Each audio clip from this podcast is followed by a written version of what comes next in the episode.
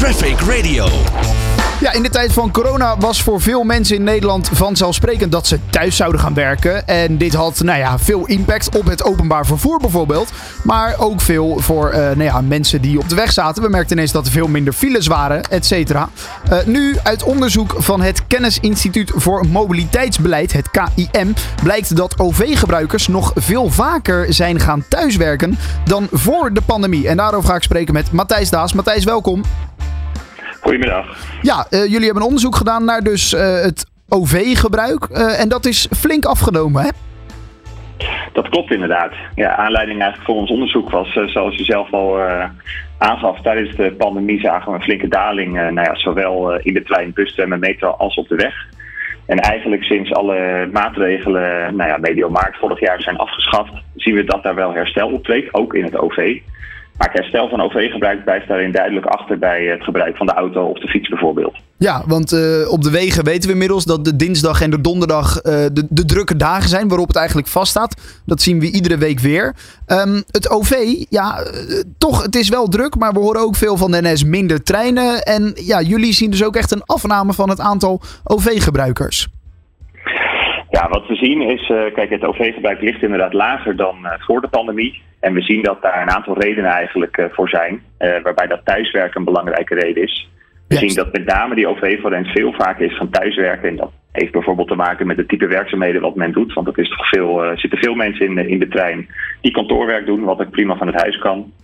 Um, dus we zien wel dat die mensen inmiddels ook wel weer naar kantoor gaan. Maar toch het, de maat van thuiswerken blijft op een veel hoger niveau liggen dan voor de pandemie. En ook in vergelijking met degene die met de auto of met de fiets naar het werk gaan. Oké, okay, dus die uh, gaan sneller weer naar het werk dan mensen die afhankelijk zijn van dat openbaar vervoer. En dan heb je het dus ook vooral inderdaad over forensen. Mensen die echt voor hun werk het openbaar vervoer moeten pakken. Ja, we zien dus op het gebied van werk zien we een aantal veranderingen. We zien ook op het gebied van vrije tijd veranderingen. Dus okay. we zien dat minder OV-forensen uh, naar kantoor gaan. Maar we zien ook dat Nederlanders iets minder vrije tijdactiviteiten doen. Dus dan hebben we het over een dagje weg of een dagje winkelen.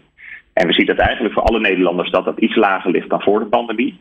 Maar onder diegenen die uh, de trein of uh, de bus, tram, metro gebruikten om die activiteiten te bezoeken, zien we dat die daling wat sterker is. Dus dat heeft ook nog weer een effect op het trein- en bus, tram, metro gebruik. Hm, ja, nu hebben jullie dus hier onderzoek naar gedaan. Maar, maar nou ja, hebben jullie ook een soort idee over de gevolgen daarvan? Want ja, feit is nu dus dat er minder gebruik wordt gemaakt van het OV.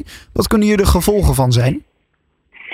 Ja, we zien inderdaad dat het op een lager niveau ligt. Wat we ook zien is uh, eigenlijk soortgelijk met wat we op de weg zien, is dat er toch een patroon wel ontstaat van drukkere dagen en minder drukke dagen. Ja. We zien dat die uh, OV-forens, die werkt dus veel vaker thuis.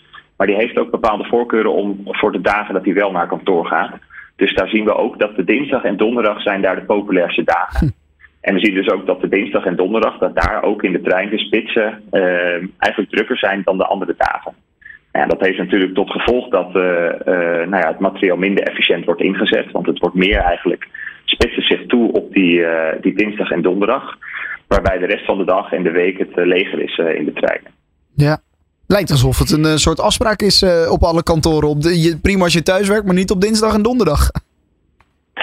Nou, het heeft denk ik ook te maken met de reden waarom we naar kantoor gaan. Ja, om elkaar als, te ontmoeten. als, om elkaar op te zoeken. We gaan naar kantoor eigenlijk om te overleggen met collega's om inspiratie op te doen, om elkaar te zien. Ja. En dat doe je dan vanzelfsprekend natuurlijk op dagen dat jouw collega's ook aanwezig zijn. Dus dan ja, ontstaat er van nature eigenlijk een soort patroon dat er populairdere dagen zijn op, uh, op kantoren en minder populaire dagen.